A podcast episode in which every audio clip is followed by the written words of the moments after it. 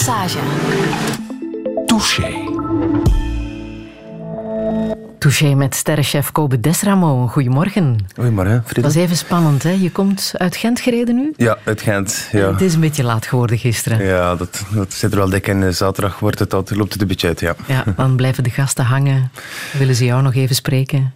Ja, ja in principe wel, ja. Maar het gaat goed, hè? Ehm, het Ja. restaurant eh, Chambre Séparée is nu een halfjaartje open. En dat loopt heel erg Ja, vlot, het is, het klein, het is, het is eh, redelijk makkelijk te vullen. Eh, maar het is vooral eh, heel leuk ook voor ons, omdat het heel, heel zo klein is. Hè. Het is Ja. een veel kleinere schaal. Ja. En een maand geleden is ook het boek uitgekomen dat jouw naam Ja. draagt, Kobe Desramo. Uitgegeven bij uitgeverij Cannibal. Omdat dat de goede uitgever was voor een boek over eten. over jou. Eh, maar ik, ik vond het, eh, ik had een heel, eh, heel interessant gesprek net met de mensen van, van Cannibal, al, al jaren terug eigenlijk. Want dat was, we gingen eigenlijk eerst gewoon een kookboek maken van, over In de Wulf. En dan heeft dat eigenlijk helemaal uitgelopen tot een boek die ging over het einde van In de Wulf en het begin van Chambre Séparée. Ehm, ja, dat was een heel leuk contact, dus we zijn er heel blij mee. Ja, en het is een mooi en stevig boek geworden. 2017 was ook het jaar van alweer een Michelinster, hè? Die is Ja, binnengekomen. Blijkbaar, zeg je. Ja, ik heb er niet om gedaan. Er zo, eh, zo erg bezig. Hè? En ook eh, de opening van een tweede superette in Bokrijk. Kom je daar vaak? Eh, nee, beter, beter wijn eigenlijk. Dat was enkel dat broodhuis dat je mee hebt eh, begeleid en geopend. Ja, we ja, dat is vooral ook de, onze bakkerin, eh, Sarah, van de Superette, die eigenlijk daarvoor in staat. Maar ik heb het al, traject uh, Dranouter-Gent is al genoeg voor mij, om Ja. nog Limburg erbij te Maar de nemen. andere kant van het land te rijden. Ja. Heb je je doel bereikt voor 2017, vind je? Oh nee, ik ben, ja, ik, ik bereik nooit mijn doelen, vrees ik, dus eh, nee. En kan daar nog iets bij in 2018? Of is het nu ja, er is wel- verder surfen op de golven die je hebt gemaakt vorig jaar? Ja, ik denk dat, dat er nu iets, eh, een soort kader gecreëerd is voor mezelf. Zeker met een nieuwe zaak waarin dat ik zelf kan eh, ontplooien en evolueren. Dus dat is Ja. belangrijk voor mij nu. Ja, hoe zou jij jezelf omschrijven? Mm, ja, nogal onrustig, denk ik. Ja. Ja? ik, ik, ja, ik weet het eigenlijk niet zo heel goed. Ja, dat vind je moeilijk, hè? Ja, ja. Over jezelf praten. ik laat het over aan andere mensen. Je liet ergens weten dat je iemand bent die doorzettingsvermogen mist. Volgens mij gelooft niemand dat. Ja, maar, ehm, ja, ik bijt me soms vast in iets en eh, dan bijt ik me weer vast in iets anders. Op die manier. Dat je het niet afmaakt. dat, ik me, ja, dat ik niet altijd alles afmaak wat ik begin. En dat dat geen dat ik zo een beetje mis. Hm. Ja. Iemand die eh, misantropisch wordt met het ouder worden. Klopt dat? Ja, dat, is natuurlijk een heel groot woord. maar eh, ik ben, eh, misschien zal ik het erbij houden dat ik, dat ik toch eh, graag op mijn, op mijn eentje ben, dikwijls. Misschien meer en meer. Ja. Ja. De Ranouter ga je nooit verlaten. Nee, nee, nee, ik ben vastgerust in de router, dat, dat, dat gaat er niet uit. Nee. Ja. Wat is het mooie aan de job van kok zijn? Goh, ehm, het, het mooie is omdat je iets iedere dag opnieuw doet en je probeert in die kleine dingen beter en beter te worden iedere dag. En, en als je voelt dat er iets, iets zo dicht mogelijk van, van het perfecte is, hoe dat je het wilt benaderen, en is, is dat iets heel moois. En, eh, ja, en De ontmoetingen ook? De ontmoetingen ook met de mensen die Ja, we, nu aan dat- jouw tafel komen zitten? ja, het is ook leuk omdat mensen altijd in een heel positieve sfeer eh, bij je komen. Hè. Ehm, Ze willen lekker eten natuurlijk. Ze willen lekker eten, ze willen genieten. En, en wij kunnen, staan in een unieke positie om ze wat gelukkig te maken. Dus dat is leuk, hè? Ja. Ja. En nu ben je ook meer kok dan chef, zeg je over jezelf. Wat, wat is dan het verschil? Wat, dat was voor mij was, was de, is er een heel groot verschil. Want dat in de Wulf zaten we met een keukenteam van, van ehm 20 personen. Mm, zaten we in totaal met eh, in de, ja, 35 personen eigenlijk in dienst in de Wulf. En dus dan ben je eigenlijk aan het delegeren, aan het managen. En kun je tot de essentie van het koken eh, raak je eigenlijk niet meer zoveel. En eh, voor mij was het heel belangrijk om nu met die nieuwe zaak eh, echt te koken en enkel maar te koken. En dat Ja. lukt. En dat lukt. Ik zie het in jouw ogen. Kobe Desramo, welkom in Touché. Dank u. Radio 1. Friedel Massage. Touché. Thank you.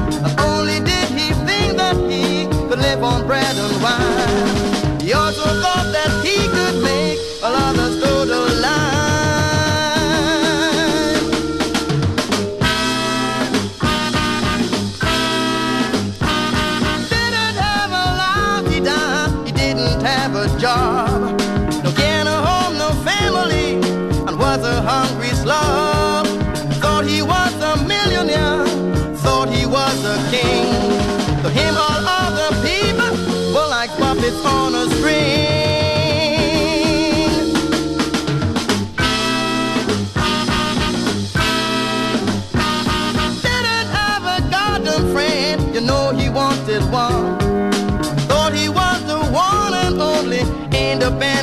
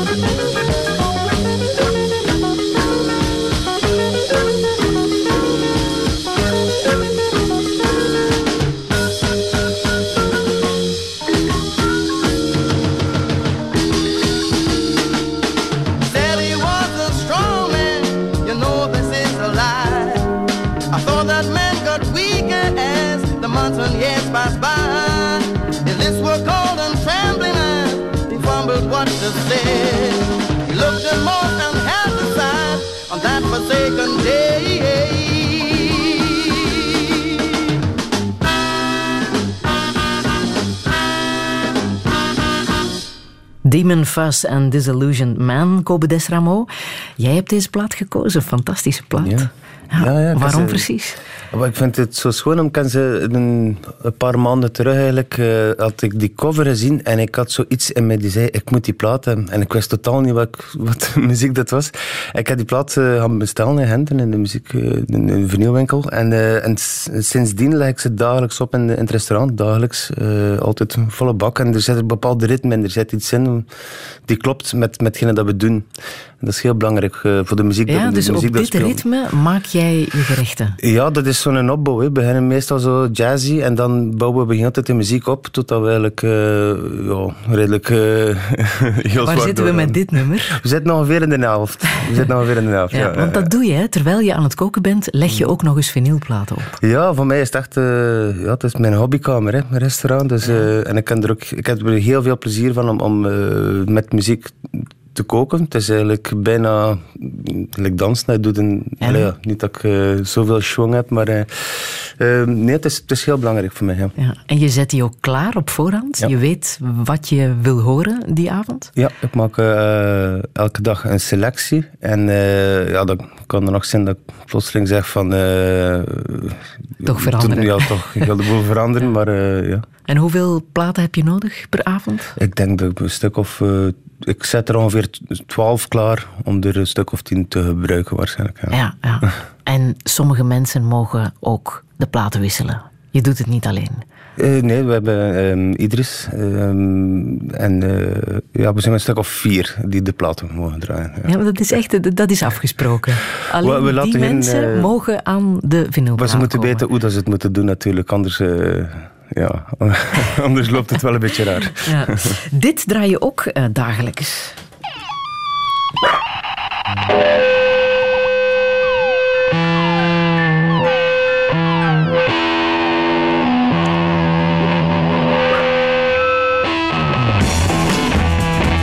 Zitten we dan ergens in eh, de is- service? Dat is juist achter de vorige. Dus, eh.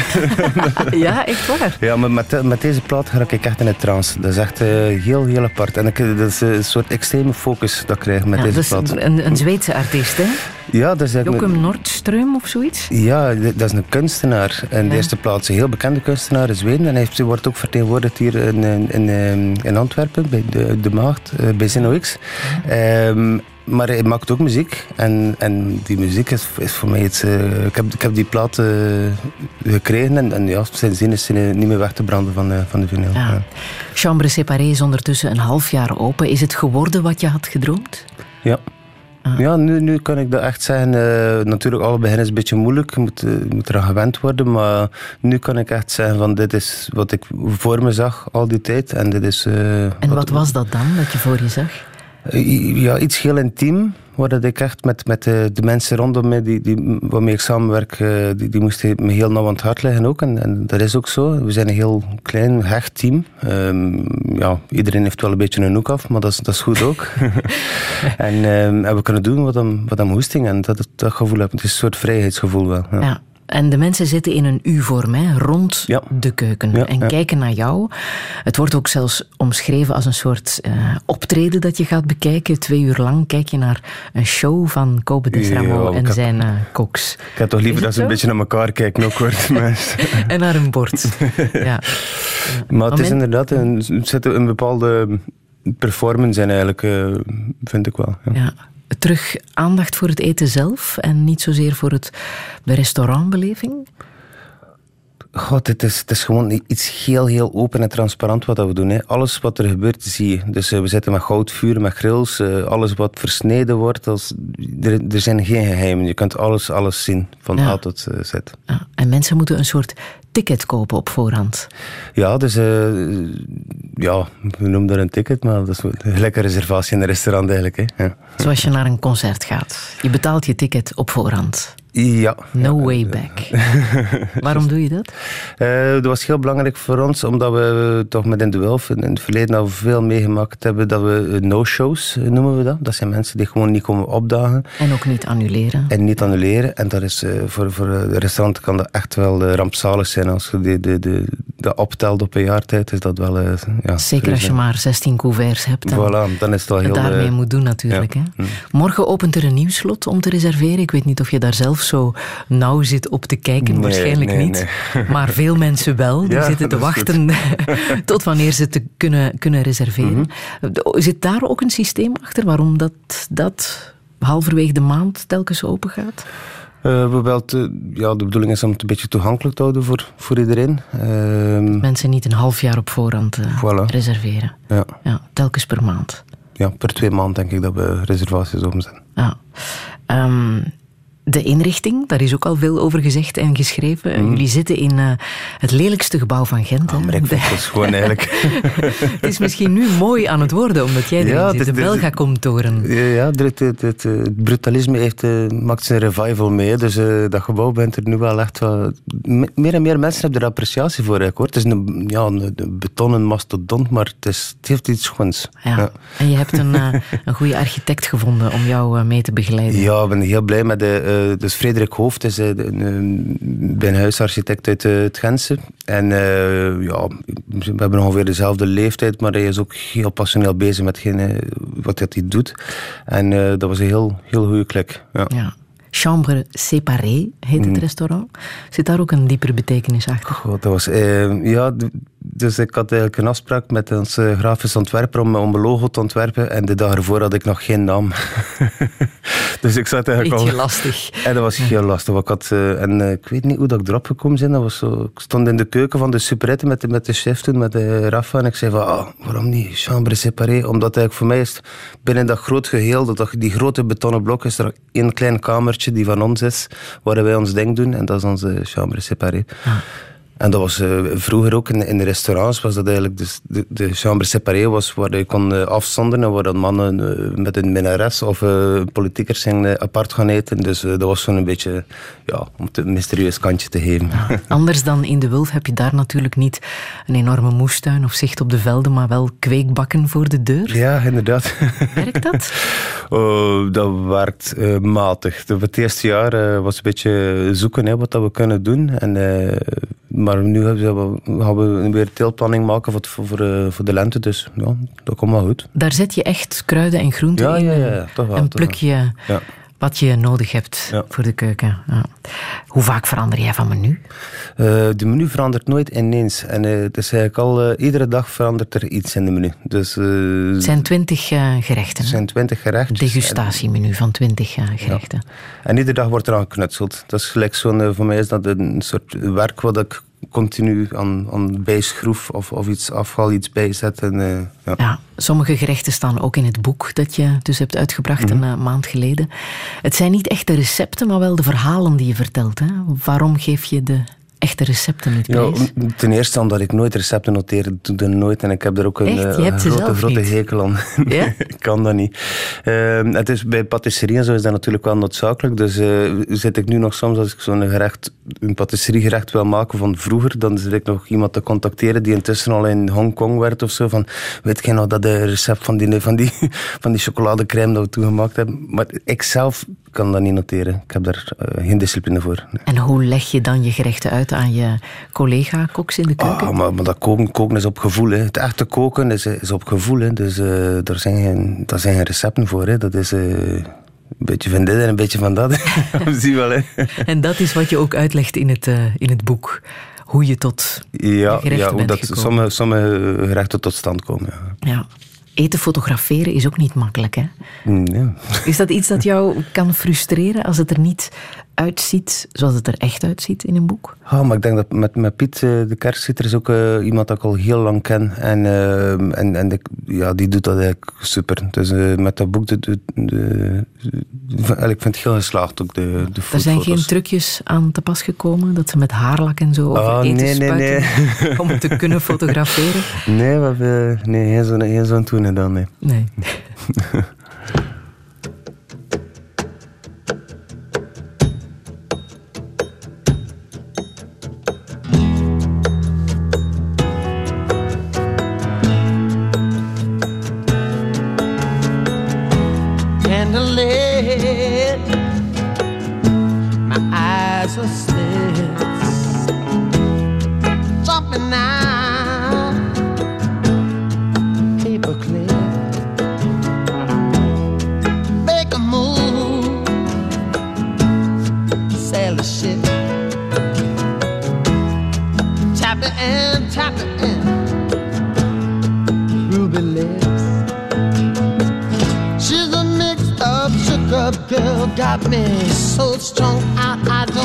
what to do. She's a mixed up, mixed up sugar girl.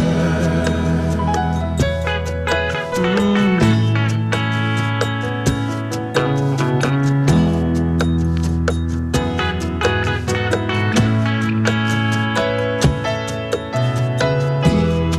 Take a break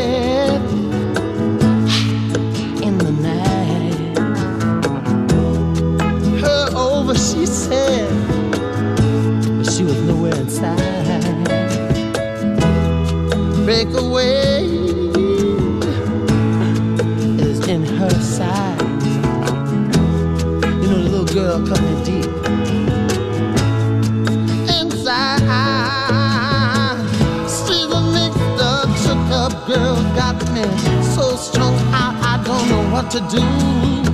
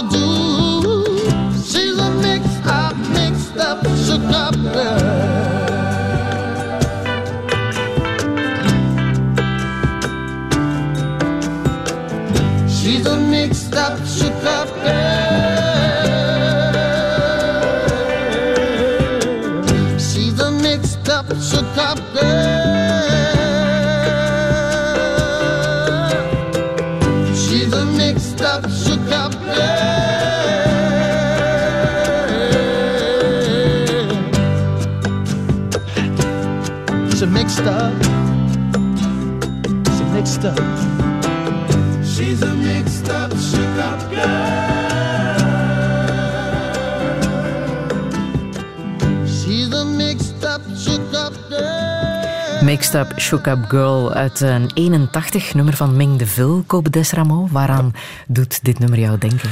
Ehm, aan mijn pa eigenlijk. Ik heb eh, onlangs die, die plaat gekregen van mijn, van mijn vader. Ehm, en ik, had, eh, ik heb altijd de herinnering, want vroeger was Café in de Wulf. Eh, dat was ook altijd met platen dat er daar gedraaid werd. En dan eh, heeft mijn, mijn, mijn vader ook nog een ander café gehad, of een soort eetcafé in, ehm, in Oost-Vleteren. En ik herinner me ook die, die cd's van, van die, die rare kop van Mink de Vil, en, of Willy de Vil. En, maar ik heb er toen nooit naar geluisterd. En nu heb ik die plaat gekregen en ik ben er heel ver- eh, verkocht aan eigenlijk, vind ik, vind de max. Ja. Is het van jouw vader dat je de liefde van muziek, voor muziek hebt, denk je? ja, ik denk het wel. Je is er heel sterk mee bezig. Of je is toch altijd eh, met muziek bezig geweest. Ehm, maar we praten er niet per se veel over. maar we hebben een gelijkaardige smaak ook. eh, Ja, het is aanwezig. Het is ja. heel aanwezig, ja. Welke band heb je met je vader? Ehm, welke band? Ja, het is mijn vader. Ja. Ik zie hem graag. Het is mijn vader. Maar we hebben eh, waarschijnlijk niet de meest typische band. Gelijk dat, eh, we zien elkaar weinig, maar eh, het is altijd geestig om elkaar weer te zien. En Ja. dus, ja. Hij woont ondertussen in Frankrijk, dacht ik. Hè? Ehm, hij is op weg. Om Ah, ja? te wonen. Hij heeft, hij heeft een heel schoon huisje verbouwd langs een klein riviertje, een klein dorpje, waar de gemiddelde leeftijd 60, ja, 60 plus is. Dus ehm, eh, ja, het is ook iemand die zich graag een beetje terugtrekt en eh, niet te veel, heeft niet te veel aandacht nodig. is het is een wereldje. Ja. Ja. Hoe is de band met jouw moeder? Ja, heel goed. Mijn moeder heeft, eh, eh, ja, is, er altijd, is er altijd geweest voor mij. Ook in de beginjaren in de Wulf heeft ze me de kans gegeven om, om een hoesting te doen. Wat dat ook niet vanzelfsprekend was. En, eh, en ze heeft ook ja, die, de beslissing die we recent moeten nemen. En dat heeft ze ook gesteund. Alhoewel dat ik weet dat dat heel, heel moeilijk was voor haar. Hè. Ja, ja. Toen je stopte. Ja, toen we in de Wulf, De Wulf. Ja, besloten we in de Wulf te sluiten, was dat heel moeilijk voor haar. Omdat dat ook, eh, ja, ze heeft er ja, 20, ja, meer dan twintig jaar in- aan gewerkt om er iets van te maken. Dus eh, ja. Hoe heb je dat verteld aan haar? Dat je wou stoppen? Wow, we wisten, ja, we hadden er al over gesproken dat, dat, dat, eh, sommige, dat, dat er moeilijkheden waren en, en dat er, ja, dat de drive er niet meer was, gelijk vroeger voor mij. Ehm, Om het rendabel te houden. om het rentabel te houden en om, om ja, ik moest het ook, ik moest het ook beslissen of ik het zou kopen, hè. Op dat moment.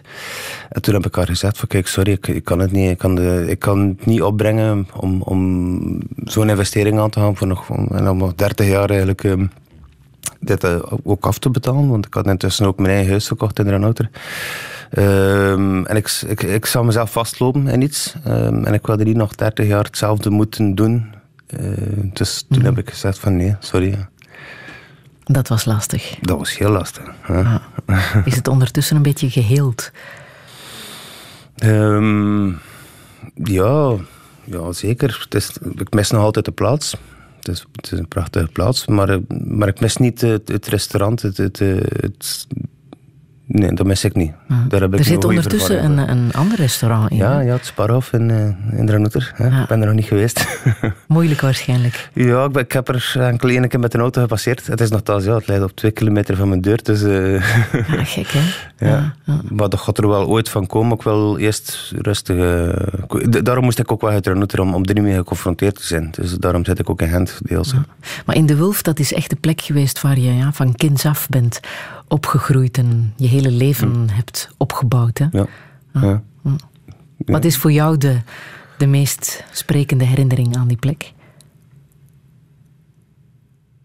Of wat dat- mis je het meest? Ja, die tuin. Die tuin is prachtig. Ja. Ieder seizoen eh, ja, markeert die tuin zoals als het, eh, in de zomer heel vroeg in de, zon die opkomt, de dauw die overal rondhangt, of in de winter dat er zo'n een, ja, die stilte, de, de, de, eh, ja, dat, was, dat is iets heel schoons, die tuin. Ja. En wat voor kereltje was je toen jij daar rondliep?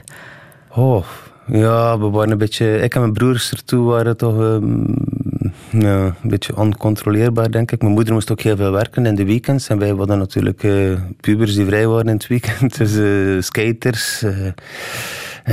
ja. Als kinderen van gescheiden ouders ook, hè? ja, inderdaad. Ja, Heeft ja. dat zwaar gewogen voor jou als kind? Mm, Ik denk niet dat we dat zo bewust hebben meegemaakt. Allee, Het was iets die normaal was voor ons. Dus we hebben het nooit anders geweten. Dus... eh, nee. Nee. Er was ook een strijd eh, tussen Ieper en Poperingen. voor jullie als Dat kind. staat in dat boek. Ja, dat heb ik gelezen. Maar dat, dat vind ik, vind ik heel typerend voor, eh, voor, voor, eh, die kleine stadjes. Ja, het zijn, het zijn- Wat is het verschil tussen Ieper en Poperingen? Ja, dat is al van, van.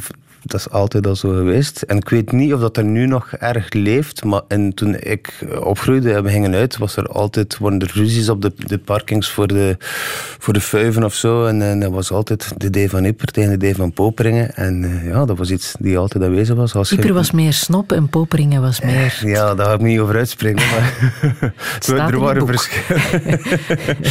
Ehm, ja, er waren meer authentiek. Maar mijn vader meer, is ook, ehm, ik ben ook een halve Nipperling. hè, Dus eh, mijn vader is eh, een Nipperling. Je zat tussen de twee. Vandaar de moeilijke keuze. Wel, En ook als je in het dorp woont, dan sluit je automatisch ook aan bij een van, van die steden waar, ik- waar je school loopt. Of, eh, ja. En je hebt zo wat overal gezeten. Je hebt alle scholen gedaan Ja, ik, heb de er, buurt. ik heb er tien gedaan. Wat was de beste? De beste? ehm, Tien scholen komen. Ja, ja ik weet dat, was, ja, dat was niet aan mij besteed in school. Maar wat ik het liefst deed, was tekenen. En, en eh, dat, was, dat, was, deed ik het allerliefst. En eh, ik heb toen ook nog een jaar in de... eh, wat was dat? De, de hele familie in, in Brugge. Eh, de Maricon. en eh, daar eh, mocht ik tekenen en zo, dus dat vond ik heel leuk. Maar ik ben toen ook buiten gezet omdat ik te veel tekende en ik, tag, ik tagde overal op de banken. Dus ik had zo'n graffiti in een tag en ehm, ja, ik was betrapt omdat ik heel school ondergezet had. En, Ah. ja. Dus je kan die nog vinden. Misschien wel, ja. Wie goed zoekt, een tag van Kobe Desramo.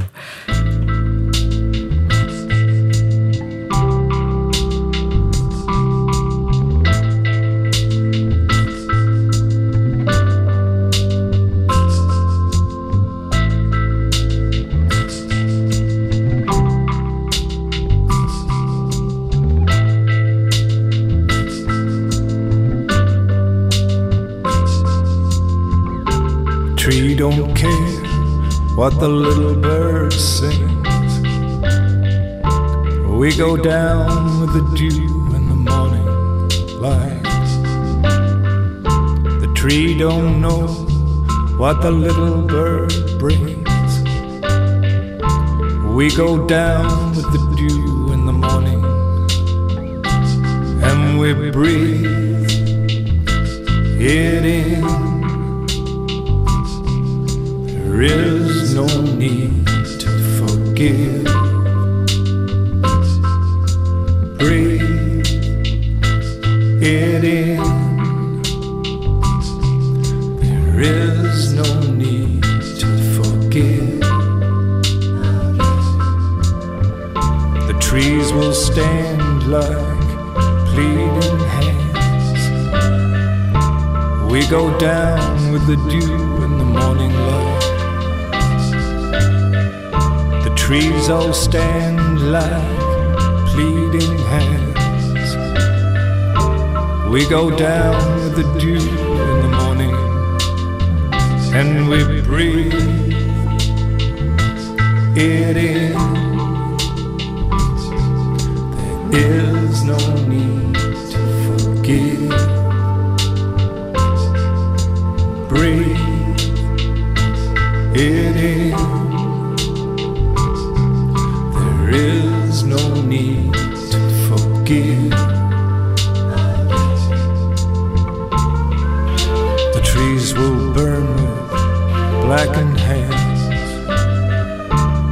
We return with the light of the evening. The trees will burn blackened hands. Nowhere to rest, we've nowhere to land. And we know who you are, and we know where you live. And we know there's no need We know who you are, and we know where you live. And we know there's no need to forgive. And we know who you are, and we know where you live. And we know there's no need to forgive. And we know who you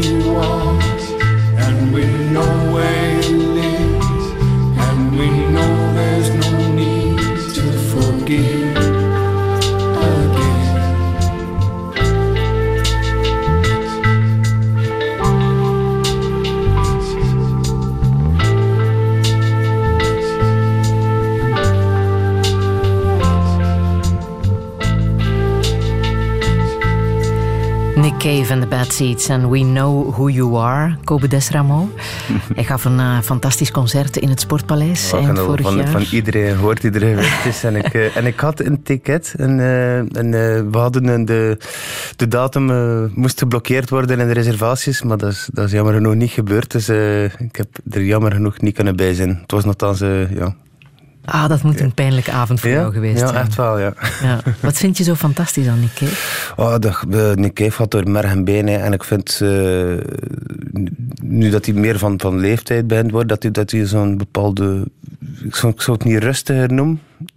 Maar het is gelijk nog intenser wat dat hij doet. Het is gelijk, eh, als je zo die evolutie ziet in, in, in alles wat hij doet, is het dat dieper en dieper en dieper. Het is zo, ja, ik vind het een prachtige artiest. Is hij alles komen eten bij jou?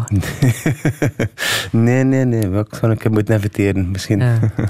Nog heel even terug naar die laatste dag eh, van In de Wulf. was 11 december 2016 en dat ging zo. This was beautiful. This was an amazing journey. This was a dream for me. Um, what more can I say? This is yeah. Well, this is the end, guys. the end. This is the beginning. This is the beginning.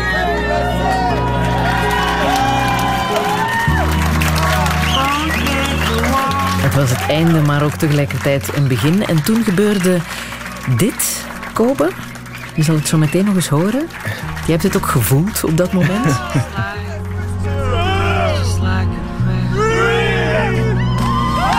Plons. Ze hebben jou gewoon in de vijver gegooid. Ja, dat was traditie. Hè. Dan, eh, Daar zijn veel mensen in de vijver eh, gegooid. Iedereen die het volhouden tot de laatste dag, als er een stage was of iemand die vast werd, die ging sowieso in de vijver. Jij hebt Dus, het eh, volgehouden tot de Ja. laatste dag. Ja, ja.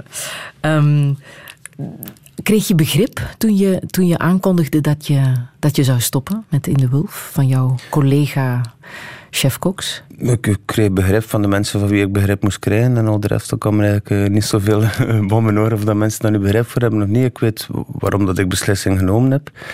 Ehm, en ik, ik heb er ook nooit... Ja, ik heb nooit achter reacties gezocht of zo van iemand. Want je zei zo net, het was te duur om het te kopen, maar je had ook ontzettend veel geïnvesteerd natuurlijk. Hè? Ja, wat geïnvesteerd. Uh, maar ja, voor mij was de. Ja, het was gedaan. Het was gedaan. Ik had de, de, die, uh, dat, vuur, dat vuur was er ook niet meer uh, dat was in die begin. En voor mij is het belangrijkste, gelijk dat ik daar straks al zei, dat ik kan koken, dat ik kan uitleven in hetgene wat ik graag doe, in het ambacht. Ja. Um, en dat je en geen gevoel, manager moest ja, we, we, zijn. Ja.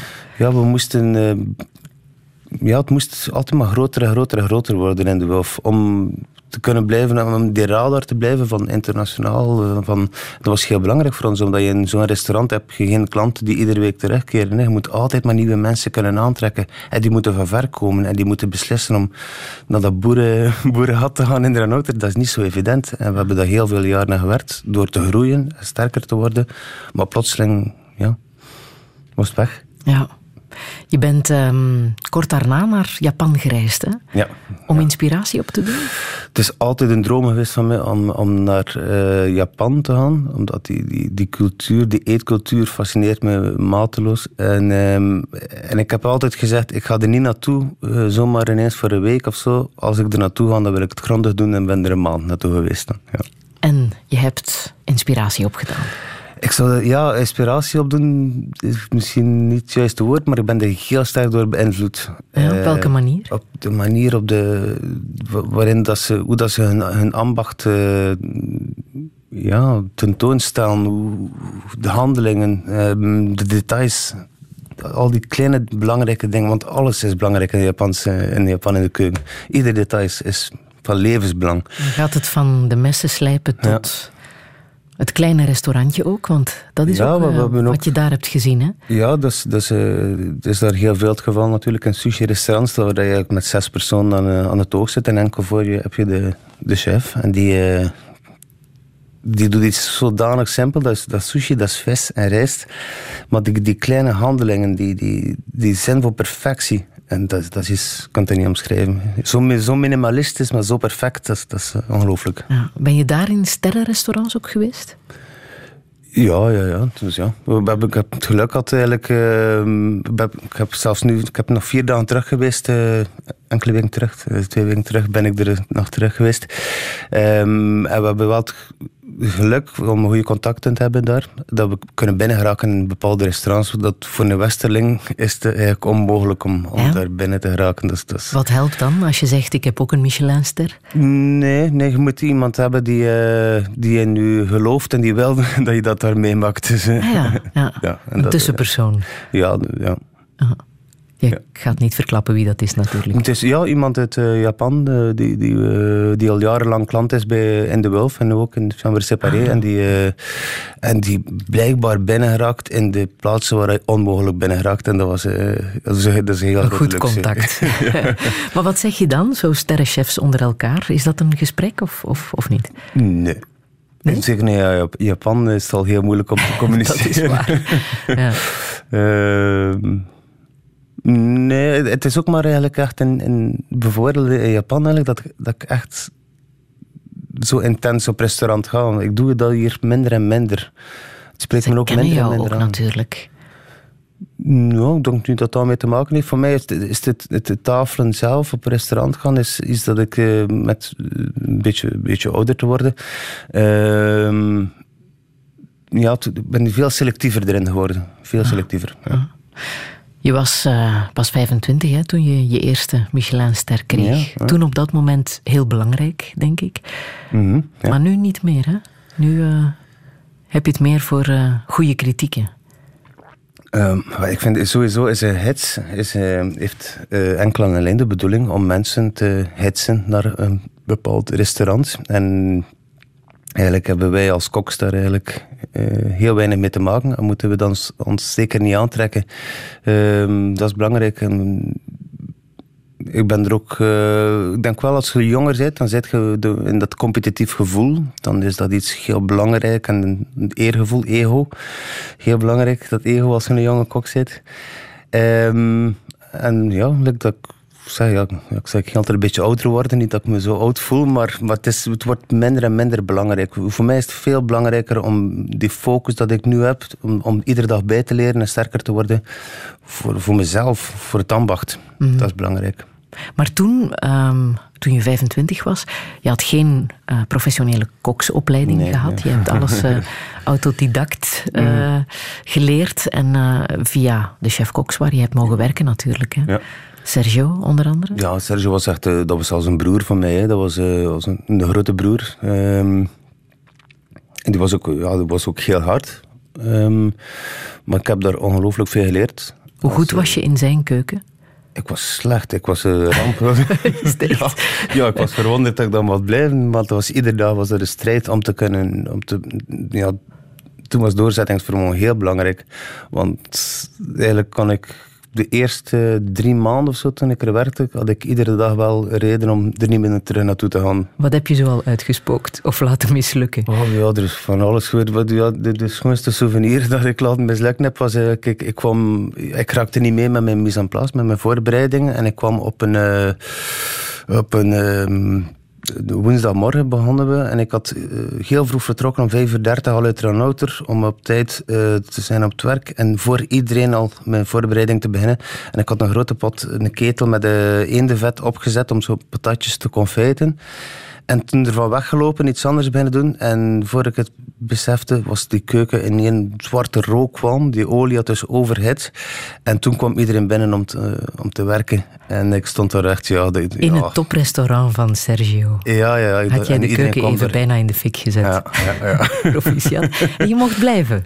Ik mocht blijven, ja. Maar ik denk, ik denk dat dikwijls toch wel heel dicht geweest is. Dat, eh, maar voor Sergio was het belangrijker, denk ik, dat ik, ja, dat ik altijd maar weer kwam.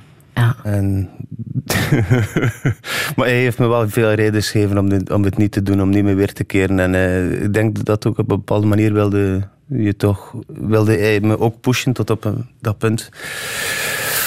Ik heb de indruk dat onder die grote topchefs er ook wel veel collegialiteit is. Hè. Hij was er ook toen je sloot bij In de Wulf, de laatste servies. René Redzepi was er ook, uh, chefkok van uh, de Noma geweest. Het beste restaurant ter wereld in Kopenhagen. Dus jullie zoeken elkaar wel op, jullie steunen elkaar wel in het vak. Ja, ja maar ik denk eh, internationaal is er... Uh, ja, je leert ook mensen... Je, je, weet, je, kan, je begrijpt mekaars wereld ook. Hè. Je begrijpt hoeveel werk en hoeveel tijd en wat er allemaal nodig is om, om iets op te bouwen. En, Zou ook jaloers kunnen zijn en concurrent. Ah, maar ja, jaloezie, dat is, dat is, iets, uh, dat is iets heel triestig. Hè? Want uh, ik zeg altijd, ja, als, als je het wilt, dan moet je het zelf maar doen. En, en, en dan moet je zelf het traject maar afleggen. En, en, en kijken hoe ver je ermee komt. Hè? Want je moet er heel veel voor opgeven. Hè? Ja. Dus, je mag dat nooit onderschatten. Het is werk en tijd. En... en de meeste van die grote hebben ook al hun restaurant gesloten. Hè? Of zijn opnieuw begonnen. Of... Uh doen nu iets anders. Ja, dat is, nu, dat is wel een tendens. Ja? ja? Het is een beetje zoals uh, topsport. Je kan het niet doen tot je pensioen? Um, ga je... Het is, het is moeilijk uit te leggen. Voor mij was het belangrijk om die schaal te, te, verkleinen. Want ik wilde het nog doen, maar niet meer op, op, op, op die, die, op die schaal. Dus, mm -hmm. uh, mm. Maar ieder, iedereen's verhaal is anders natuurlijk.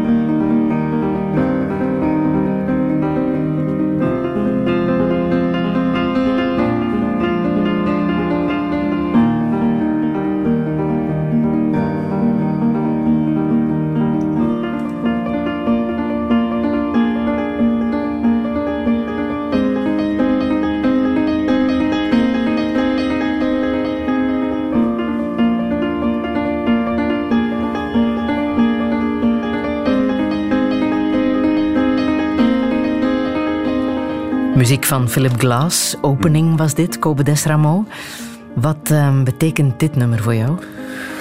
Ehm, het is iets heel meditatief voor mij. Eh, Philip Glass is... Ik kan gewoon vooruit de, de, de, de, het ruimte instaren, uur een stuk, als ik naar Philip Glass luister. Uh, het, is, iets dat ik uh, heel, heel erg begin appreciëren tijdens mijn reis ook. Ik had zo'n anderhalve maand gereisd door, door Azië en dat was continu, als ik op treinen of zo zat, dat was dat altijd dat was Philip Glass. En dat, was, dat kwam een soundtrack voor, voor de reis, voor het leven. Dat was iets, ja, de magnifiek. Ja. Ah, hoe kom jij tot rust?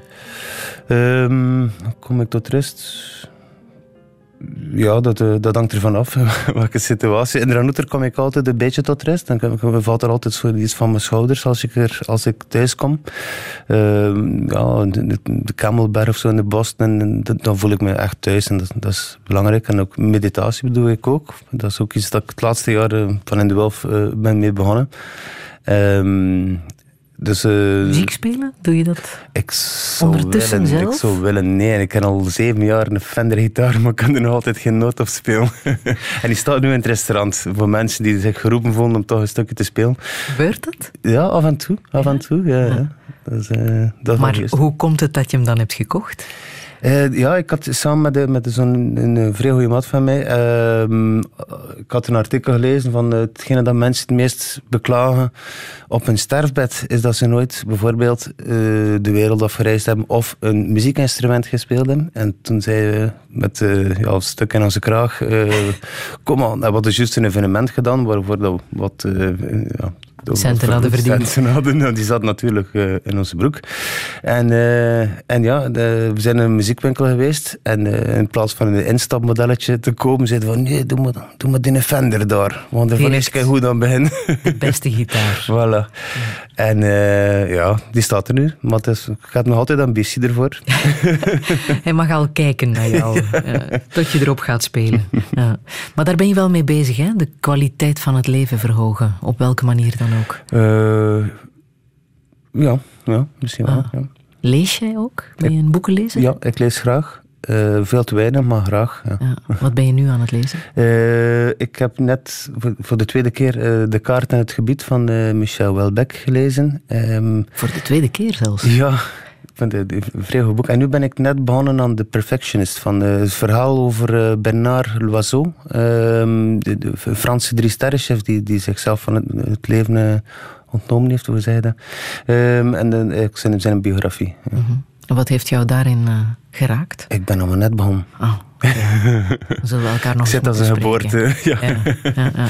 Maar om die reden heb je dat boek wel eh, aangeschaft, vermoed ik. Ik heb het al lang en ik heb het nooit in gekeken. Dus eh, ik zeg van ja, misschien moet ik dat niet Nu is het moment. Ja.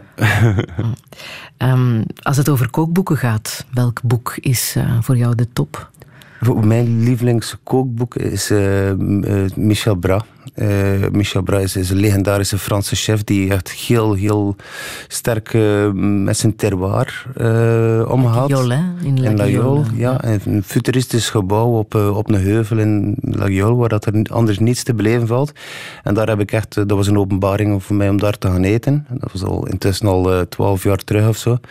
En dat boek eh, dat hij gemaakt heeft, eh, voor mij gaat het terug niet om de recepten, maar het gaat, blijft actueel. Het is iets heel raars, want dat bestaat al zoveel jaren. Maar iedere keer als ik dat boek opensla, komt er iets nieuws uit. Wat ik zeg van, kijk, tja, hey, ha. Dat is het. Ja. Ehm, een verzamelaar ben je ook, hè? Op sommige dingen wel, ja. Je verzamelt messen. Eh, als, als kok is dat natuurlijk eh, essentieel dat je liefde hebt voor messen. Mm. Ja. Verzamel je nog dingen? Eh, vinyl, veel vinyl. Goh, ik heb schuren vol, eh, vol materiaal. Als ik naar brocantes ga of zo, dan kom ik altijd thuis met een en het ander. Maar daar hebben we nu eh, een stop op gezet, want dat, dat kan niet meer. Ja, Je kan zelf een brokant eh, ja, ja inderdaad. inderdaad ja. Ja. Wat zegt dat over de nostalgicus in jou? Want alles neigt naar het verleden, hè? Als je vertelt Mm. waar je mee bezig bent. Vinyl, brokanten. Ja, misschien. Ja. Ik heb het zo nog niet bekeken. Maar ik, ik- ik- het is iets eh, tastbaar voor mij. Zo'n ding. Het is iets tastbaar. Het is een link met de, met de, met de geschiedenis altijd. Eh, het is, eh, als je zo'n, ja, die vinyl voel je dat er, er heeft ooit iemand heel veel werk gestoken om, om, erin gestoken om, om dat te, te maken, om zoiets te produceren. En het is iets tastbaar, je hebt het in je hand. En, ja, hetzelfde met de oude meubels of zo. Dus er zit altijd een gevoel in, zeker met messen ook. Als, je, als ik in Japan messen koop of zo, dan weet je van daar, is, daar heeft iemand aan gewerkt met heel veel passie. En, en ik mag dat nu, ik moet dat nu onderhouden en ervoor zorgen, dat is nu mijn kind. Ja. Ja, ja. Ik heb nog muziek uit eh, de film De Big Lebowski. Uh, Een van jouw favoriete films, hè? Waarom Ja. precies? Ah, ja, het is onverklaarbaar, maar minstens één of ja, twee keer op een jaar kijk ik naar dat Big Lebowski. Dat is zo een beetje mijn, eh, mijn tegenovergestelde. De man die ik ook wel graag een keer zou willen zijn. Ja? ja, ja. Fantastische film van eh, de Coen Brothers uit Ja. eh, 98 met eh, Jeff Bridges en eh, John Goodman. En dit is muziek eruit.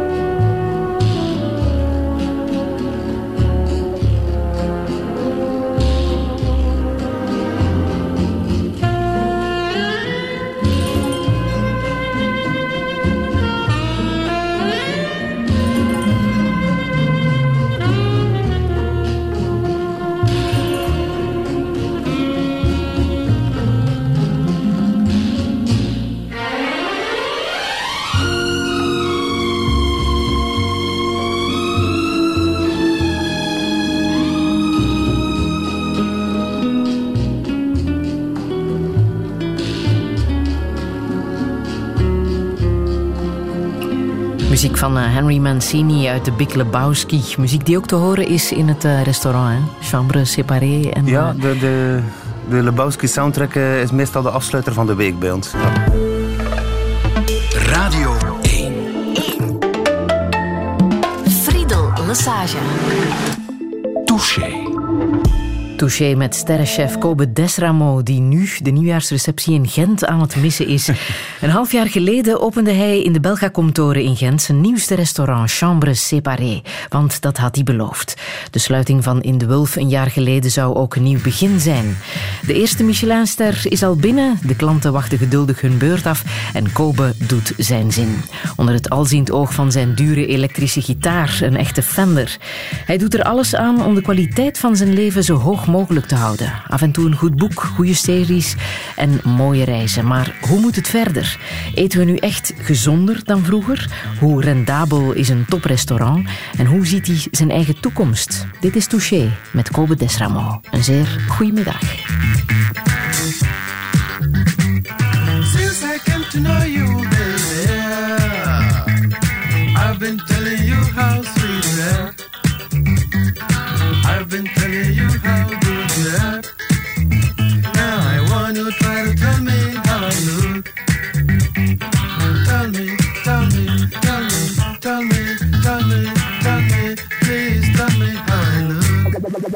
You look so good, fantastic man.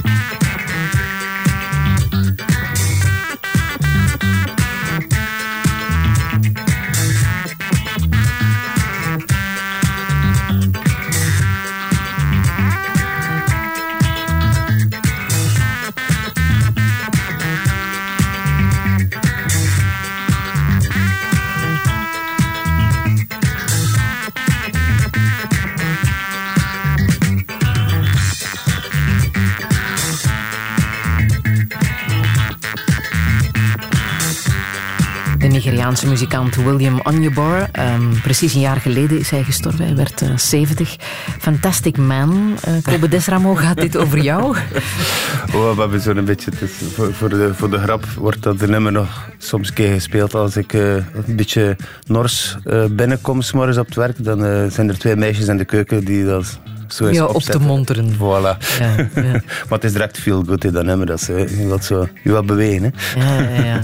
D- hoe vroeg eh, beginnen jullie nu? We beginnen nu eh, altijd om 11 uur. Ja. Voor de service van s'avonds. Van 's avonds, Die ja. om Ja. vanaf zes uur begint of Eh, iets later? vanaf eh, de service begint om 6 uur 30. Ja, dat is echt een hele dag werken. Ja. Ah. Ehm, hoe hoe ehm, rendabel is, is jouw restaurant op dit moment? Juist. Juist, juist. Moest, ik, ja, moest ik iets rendabel willen, dan had ik dat niet gedaan.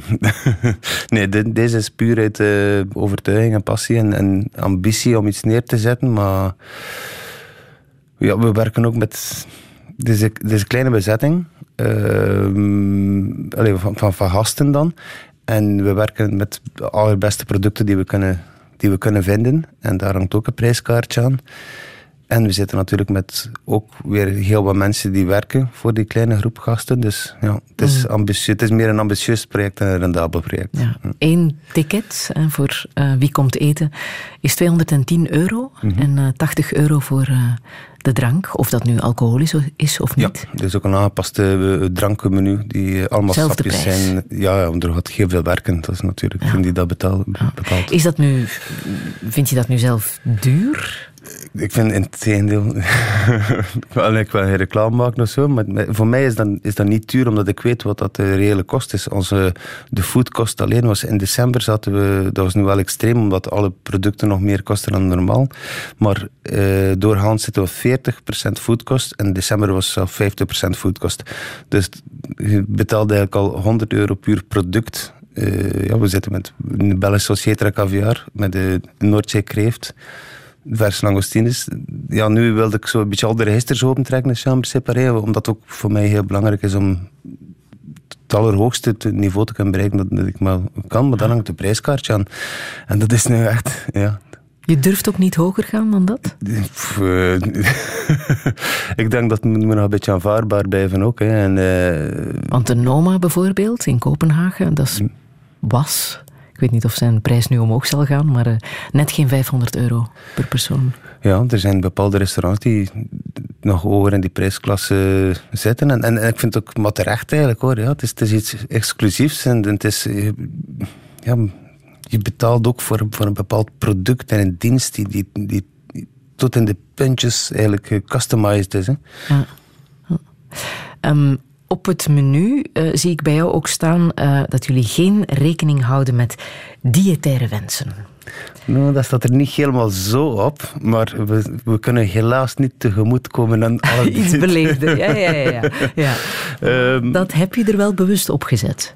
Ja, ja, het ging een beetje alle kanten op. hè. Op het laatste in de wel weet ik nog dat we hadden een van de, de, de souschefs die eigenlijk eh, de hele dag, iedere dag bezig was met alle tickets voorbereiden en alle speciale wensen, menus voor te bereiden. Er was één iemand die in dienst was die eigenlijk dagdagelijks daarmee bezig was. Ehm, nu, ik heb absoluut geen probleem met mensen die veganistisch of vegetarisch of glutenintolerant. Oké, sommige dingen kunnen we zeker, eh, zeker aanpassen. Maar we kunnen bijvoorbeeld geen veganistisch menu doen, want ik heb de keuze niet gemaakt om veganistisch te koken. En er, is ja, er zijn heel goede restaurants die veganistisch koken en waar je terecht kan als veganist. Maar ik kook nu eenmaal vlees en vis. Dus ehm, ja, dat, dat is mijn keuze. Dus ik verwacht dan ook dat mensen die komen eten mijn keuze respecteren en erin meegaan. Hè. Maar er is echt wel iets veranderd hè, in eh, ja, hoe we met voedsel omgaan. Mensen zijn zich Ja. bewuster geworden, eh, eten anders door de vele acties die er zijn geweest. eh, dagen zonder vlees, eh tournee mineraal. Wat vind je daarvan, dat mensen er bewuster mee zijn gaan omgaan? Ja, dat, is, dat is heel belangrijk, want ik ben, ik ben ook heel bewust met de producten die ik, eh, die ik serveer en gebruik. Dus eh, dat, is- dat is heel belangrijk dat mensen bewust zijn, maar het mag... ja, het mag geen modeverschijnsel worden. En dat voel je nu soms ook, dat het zo... Ja, dat... Sommige mensen moesten, moesten we de vrijheid geven om al hun eh diëtaire wensen of- een specialekes eh, een- tegemoet te komen. Dan zouden we hele lijsten hebben. En wanneer we nu zeggen, we kunnen helaas niet rekening houden met alles, hebben we zo goed als geen, geen beperkingen meer. Dus eh, daarom vind ik het zo een beetje, ja, het is een beetje dubbel. Hè. Ah, en is het zo erg om eens iets te eten dat je misschien niet wil of kan eten? Als je het niet wilt, dan moet je niet komen. Ja. Ehm, maar er is veel discussie geweest hè, rond eh, de drie chefs, de televisiechefs van ons land.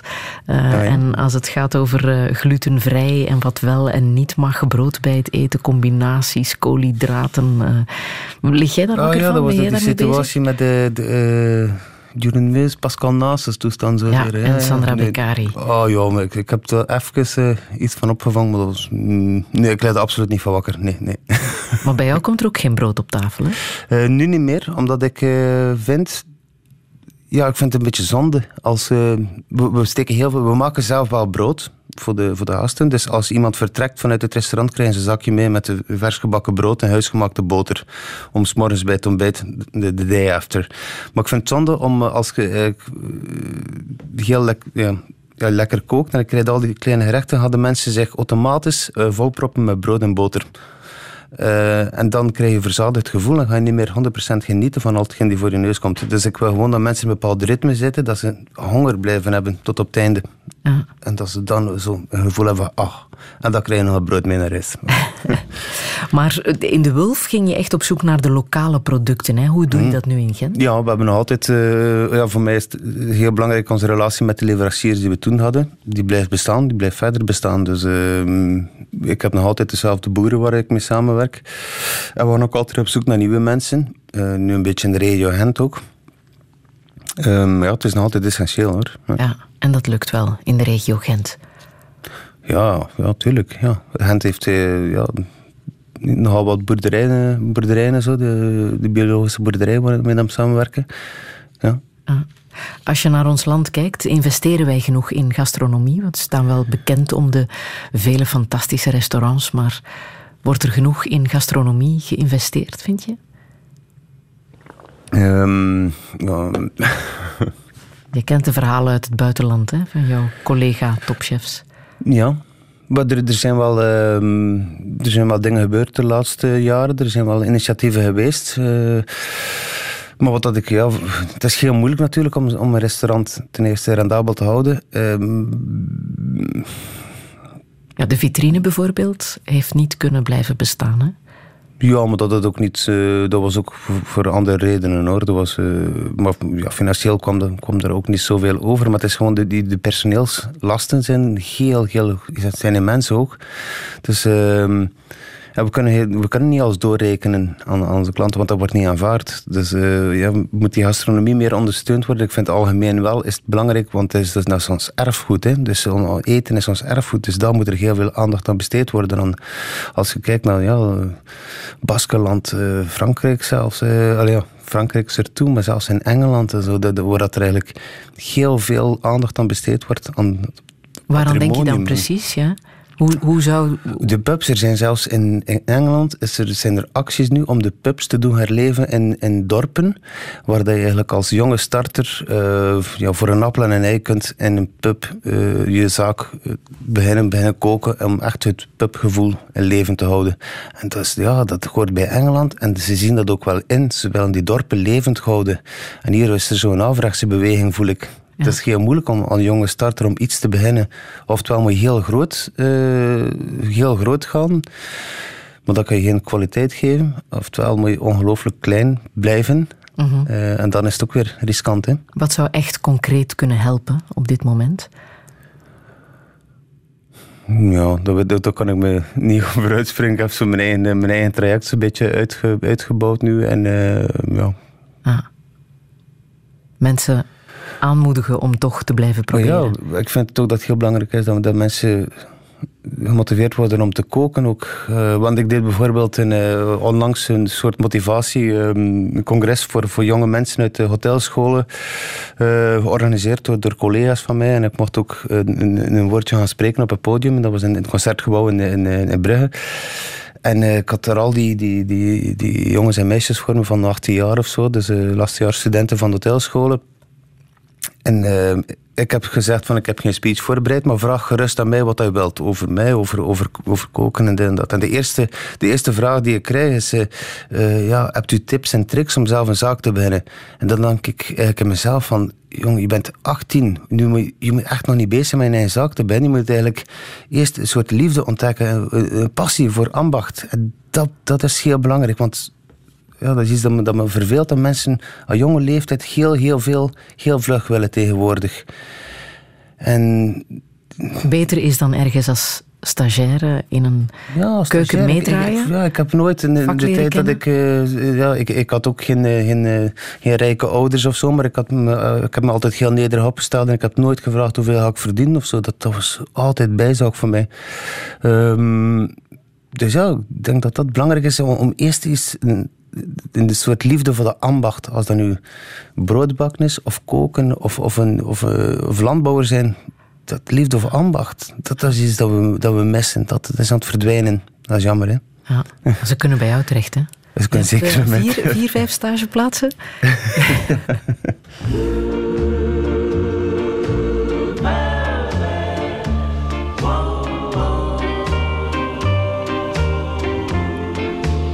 She wore blue velvet,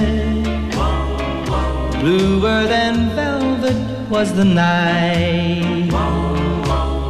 Softer than satin was the light from the stars. She wore blue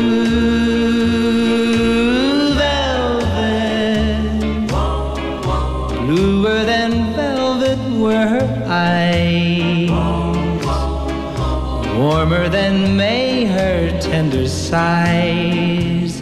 Love was ours,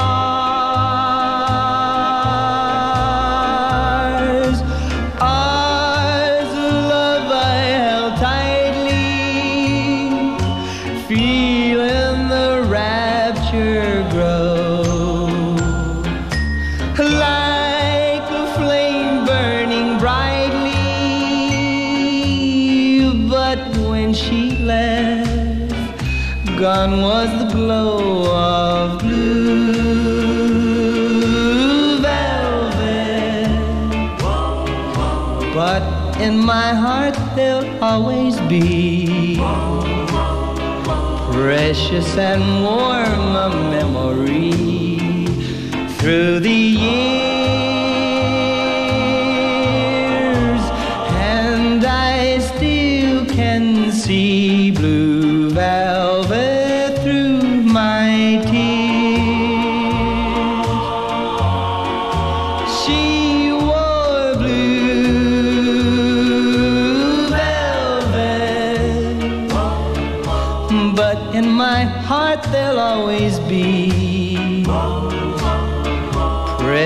and warm a memory through the years,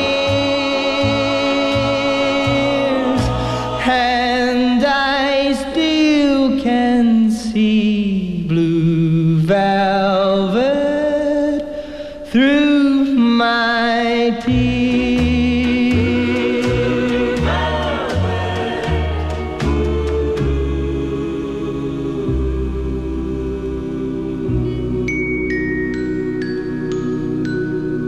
Velvet van Bobby Vinton, het nummer waar David Lynch zijn film uit 1986 naar heeft uh, genoemd. Hm. Kobe Desramo, het is om die reden dat je dit ja, wou ik ben, laten een, horen. ik ben een grote Lynch fan. Ja. Waarom precies? Wat, wat trekt jou zo aan in die man? Oh, dat is, uh, ik vind het een, een prachtige creatieve geest. En een, heeft zo, hij ook echt multidisciplinair. Hij doet van alles. Hij schildert, hij maakt muziek, hij, hij maakt films. eh, eh, maar het is ook iemand die volgens mij eh, die heel veel aan, toeval, aan het toeval overlaat. En, en dat voel je ook in, in, in de series, in Twin Peaks en zo. Zijn er be- bepaalde dingen die gewoon puur toevallig tot stand gekomen zijn, waar hij gewoon op verder werkt. En dat vind ik schoon. Als je moet altijd toeval de kans geven om te bestaan. Ja, hij mediteert ook, hè? Ja, dus een beetje door hem dat aangestoken werd om het ook te doen. En dan vooral om, om het creatieve aspect, eigenlijk, om, om uw, uw, uw geest te kunnen, te kunnen verruimen. Hè. Ja. Transcendente meditatie, dat is het, Ja. hè, wat je doet. Ja. Hoe, hoe, hoe gaat dat precies? Eh, dat is ongelooflijk eh, simpel. Er zijn daar geen rare, rare houdingen bij en, en zoemende geluidjes of zo.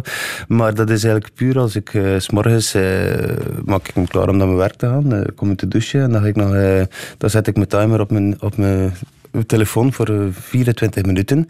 En dan ga ik in een bepaald soort, in mijn eigen wereldje voor 24 minuten in, in een heel complete stilte. En eh, dat werkt. Zoals nu ongeveer. Ja. Wanneer ben je daarmee begonnen? Ehm, dat was ook in de, het laatste jaar van, van In de Wulf. Toen dat ik, eh, ja, ik, had, ik had het heel moeilijk door de situatie, maar ik had het ook moeilijk om te creëren nog. Het- het lukte me niet meer om, om echt, ja, het creatief proces, dat, dat was plotseling moeilijk geworden. En eh, ik had altijd zo'n een kinder... Ik vind het heel belangrijk, belangrijk om, eh, om kinderlijk te zijn in, in hoe dat je creëert. Je moet als een kind creëren eigenlijk. Je moet alles binnenlaten en, en uitlaten en gewoon aan iets beginnen en, en dan komt er wel iets van. En, en, en plotseling was er zo'n rem op me. En eh, daarom, had ik ook, daarom zocht ik iets die mij kon, die mij kon helpen. En dat was het. En dat is nog altijd. Ja. De leegte toelaten om opnieuw plaats in je hoofd te hebben. Om te kunnen ja. creëren. Is het dat? Ja, David Lynch zegt to dive within. En, en zo is het wel. Dat- Al, zo'n kracht zit van binnen. Hè. We kunnen eigenlijk heel veel, heel veel van binnen vinden. En, en als je direct de dag begint met al die impulsen, eh, zeker nu wat ik... Ik woon ook in de week in Gent, dus als, als ik de, straat opkom, dan zijn er direct daar rode luchten, auto's en, en Veel prikkels. veel prikkels en ik kan, daar, ik kan daar niet zo goed mee om. Dus eh, dan moet ik even in mijn, in mijn zone eerst gaan. Ja. en dan ben ik, dat geeft ook energie. Het geeft heel veel energie. Dat is heel, Ja. Zit er veel kwaadheid in jou? Voor, voor, dat, voor de meditatie meer eigenlijk. Ja? Voordat ik dat deed, kon ik, eh, ik, ik kon heel haatdragend zijn tegenover iemand die me misdaan had. Of ik had het gevoel dat ik misdaan werd door iemand, kon ik dat blijven eh, meedragen. En nu ben ik er veel eh, rustiger geworden. Ik ben een vergevingsgezender. En hoe ver ging je daarin, in jouw kwaadheid? Goh, als ik eh, net begon koken, dan kon ik echt woede aanvallen hebben tot en met. Hè. Dat was potten en pannen rondsmeten in de keuken. eh, mensen ja, uitgaan. eh, Veel ja, koks hebben dat, hè? Ja, maar dat is, ja, dat, dat is ook normaal. Je zit echt in, in, in een soort zone. Op, op enkele uren tijd moet je, moet je heel veel waarmaken. Grote stress. Grote stress en eh, het gevoel dat je de controle verliest. eh, ja, er komt, er komt heel veel bij kijken in zo'n service. Wat ik nu is eigenlijk is het totaal tegenovergestelde van wie ik vroeger was. Dus nu gaat het over rust en focus. Maar het heeft mij heel, heel veel tijd gekost en moeite om tot dit punt te komen. Ja. Ja. Structuur ook, Ja. heb ik de indruk. Ja. Heb je meer structuur binnengebracht in, Ja, ja. in het restaurant? Ja, maar dat was, dat was essentieel. Vroeger was het chaos. Hè. En de chaos is, is het grootste verhef in een keuken. Hè. Dan, dan kun je niet koken met chaos rondom. Wat zeggen die tattoos over jou? Hmm, dat zijn eh, ja, momentopnames, denk ik. Ja? Ja, die zijn altijd op, op, op een reis of op een bepaald moment dat ik zeg van... Wanneer heb je die gezet? Ik zie alleen die van jouw arm natuurlijk. Ja, ik weet is- niet hoe ver het gaat. Er is een, eh, het is een traject van... eh, mijn eerste was toen ik eh, 16 was. Dus, dus eh, ja, ik ben er nu 37, dus ja. Op elf jaar tijd, hoeveel tattoos? Ja, ik, ja, ik tel ze niet, maar het is zo'n hele grote... Ja, een stuk of eh, t- eh, tien zeker, eh, of zo, ja. En wat heb je er zo al laten op tatoeëren? Ik zie een... eh, Ehm, ja, dat was... ja, dat zijn al toevallig. Dat was hier in, in Griekenland op reis. En eh, we zaten op een eiland met heel veel berggeiten. En dan heb ik een berggeit als soort souvenir aan dat moment. Dat was de eerste reis dat ik maakte met mijn vriendin en en met mijn dochter Mirabelle. En, en ik wilde dat markeren. Maar dat is gewoon persoonlijk. eh. Ja. Dan is er hier een, een, een wolf, een wolf eigenlijk, met de, met de zwarte molen eh, erbij. Dus eh, omdat dat, ja, ik ben van de zwarte molen in Dranouter. En, eh, de wolf is natuurlijk eh, een beetje mijn, mijn spirit animal. Ja. ja. Het ziet er wel stoer uit, hè? Jo, dat is niet de bedoeling, maar... Voor mij zijn het echt het zijn herinneringen, het zijn souvenirs en meedracht. En ze brengen je altijd terug naar een bepaald moment, een bepaalde plaats. Er zijn bepaalde tattoos die ik samen met een vriend heb, identiek dezelfde, op hetzelfde moment laten doen. Eh, dat is gewoon grappig. Eh, grappig, ja. Je moet er niet te veel achter zoeken, achter tattoos, denk ik. En ik wil er ook geen heel grote dingen rondhangen, hoor. Nee. Ja. Maar ben jij stoer? ik ben niet zo heel stoer, nee, dat denk ik niet. Nee. Want je klinkt heel zacht. Ja, ja, zeker van dat is zondagmorgen. Ik ben, zo- ik ben een beetje zacht gekookt vandaag. Het was, eh, het was eh, laat gisteren. Ja. Waarin geloof jij? Ehm, ik geloof in een, een soort, een soort eh, gezonde naïviteit, en impulsiviteit, spontaniteit. Ehm, ja, dat, dat zijn dingen die ik heel belangrijk vind. Je moet dat kinderlijke, zeker in het creatief proces, moet je een soort gezonde naïviteit hebben. Als je een eigen horecazak bent, moet je ook naïef zijn. Anders doe je het gewoon niet. Als je naïviteit, veel realist bent, dan, dan lukt het niet.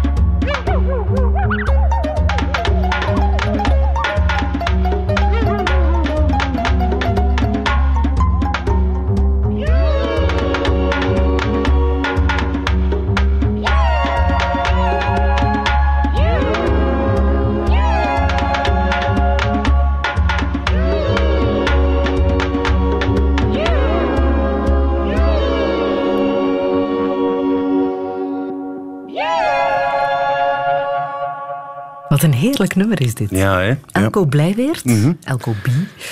Eh, Krokodil heet dit nummer. Eh, maar je zou eigenlijk de hele, de hele plaat moeten beluisteren, zei je zo net. eh, Ja, ik vind dat mensen meer moeten hele albums beluisteren. Dat is heel Ja, belangrijk. we komen hoor. naar het restaurant en zullen ze daar allemaal helemaal beluisteren. Nee, maar zeker deze, want dat is, dat is, dat is de, de, de, de, de soloplaat van, van Elko. Die, die- Elko is nog eh, in de Wulf, maar ik wist ik, toen echt niet meer dat hij bezig was. En we hadden een heel, ja, nog wat zitten napraten s'avonds en wat gedronken samen. Een heel sympathieke kerel. gitarist, ja. En toen heb ik die, die platen ontdekt van hem. En dat is, zo, dat is een heel verhaal, die plaat. Dus dat gaat van een soort vrolijkheid naar het duisternis. Het is gelijk een film dat je kijkt, maar met de woorden. Het is, het is ja, zonder, zonder woorden, maar eh, het is prachtig hoe Ja. dat hij het doet. Ja. En de cover is ook heel erg mooi. Hè? Het is een kunstwerk. Hè? Ja, ja, ja. ja Daar ben je wel gevoelig voor, hè? voor Hm. mooie beelden, mooie tekeningen. Ja.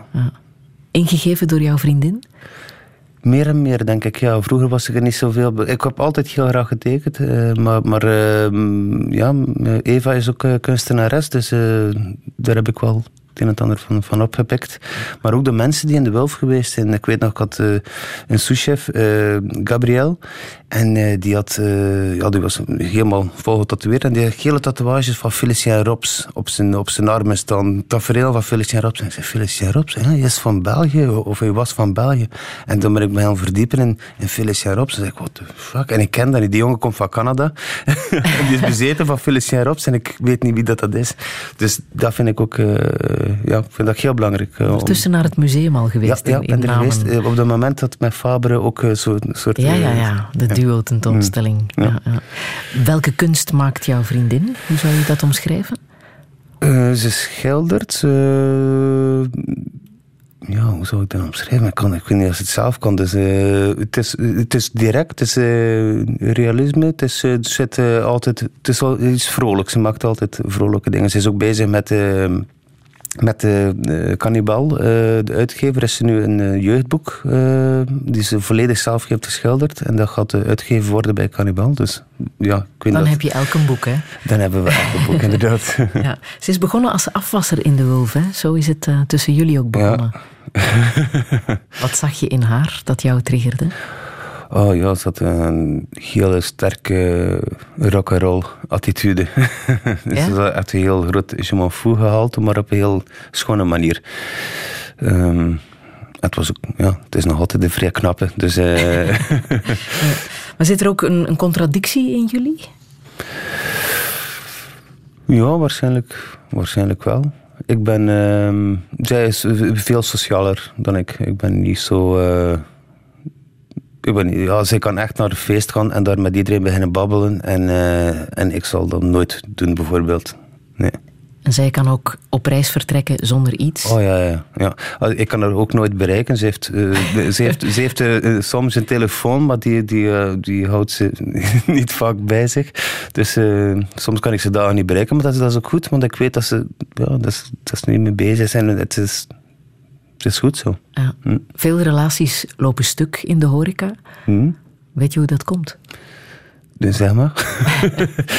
is de, De vraag en het moeilijke leven natuurlijk van een chef-kok die s'avonds werkt, Ja. eh, laat werkt, lang werkt. Ja, maar ik heb, ja, ik heb ook met, met Eva wist ook van dag één bij mij hoe dat ik in elkaar zat. En ik moet, dat werk is, is ja, ik zie dat niet als werk, dat is mijn leven ook. Hè. Dat is hetgeen wat ik graag doe en waar ik ambitie in heb. En, maar ik heb nu wel beslist om met, met de Chambre Séparée dat we eh, enkel vier dagen open zijn in de week. En dat drie dagen eigenlijk kan, kan thuis spenderen en ook meer tijd heb voor mijn dochter. Dat ik echt volledig afstand kan nemen drie dagen en dan vier dagen ongelooflijk intens weer werken. Ja. Dus, dan eh, zit je op kot in Gent. ja, ja, ja, studentenkamer. Ja. Maar dat pendelen en dat soort afspraken, dat, dat lukt bij jou. Dat is misschien zelfs beter. Ja, dat is beter. Mhm. Hoe gaat het met de dochter ondertussen? Ah ja, het is een kerel. West-Vlaanderen. Is het waar? Ja, Ja. het zit eh, heel veel eh, temperament in. Ja, ze heeft haar eigen belletje. Ja. We gaan er nog toer mee tegenkomen, bezig, maar dat is goed. Dat is goed, het is beter zo. Welke waarden wil je haar meegeven? Oh, ik denk dat haar moeder eh, haar al heel veel belangrijke dingen kan meegeven. Eh, welke waarden? Ja, Als je het denkt genieten dat, van de kleine dingen, denk ik. Dat dat, is echt, eh, dat, dat belangrijk is. Doet ze dat al?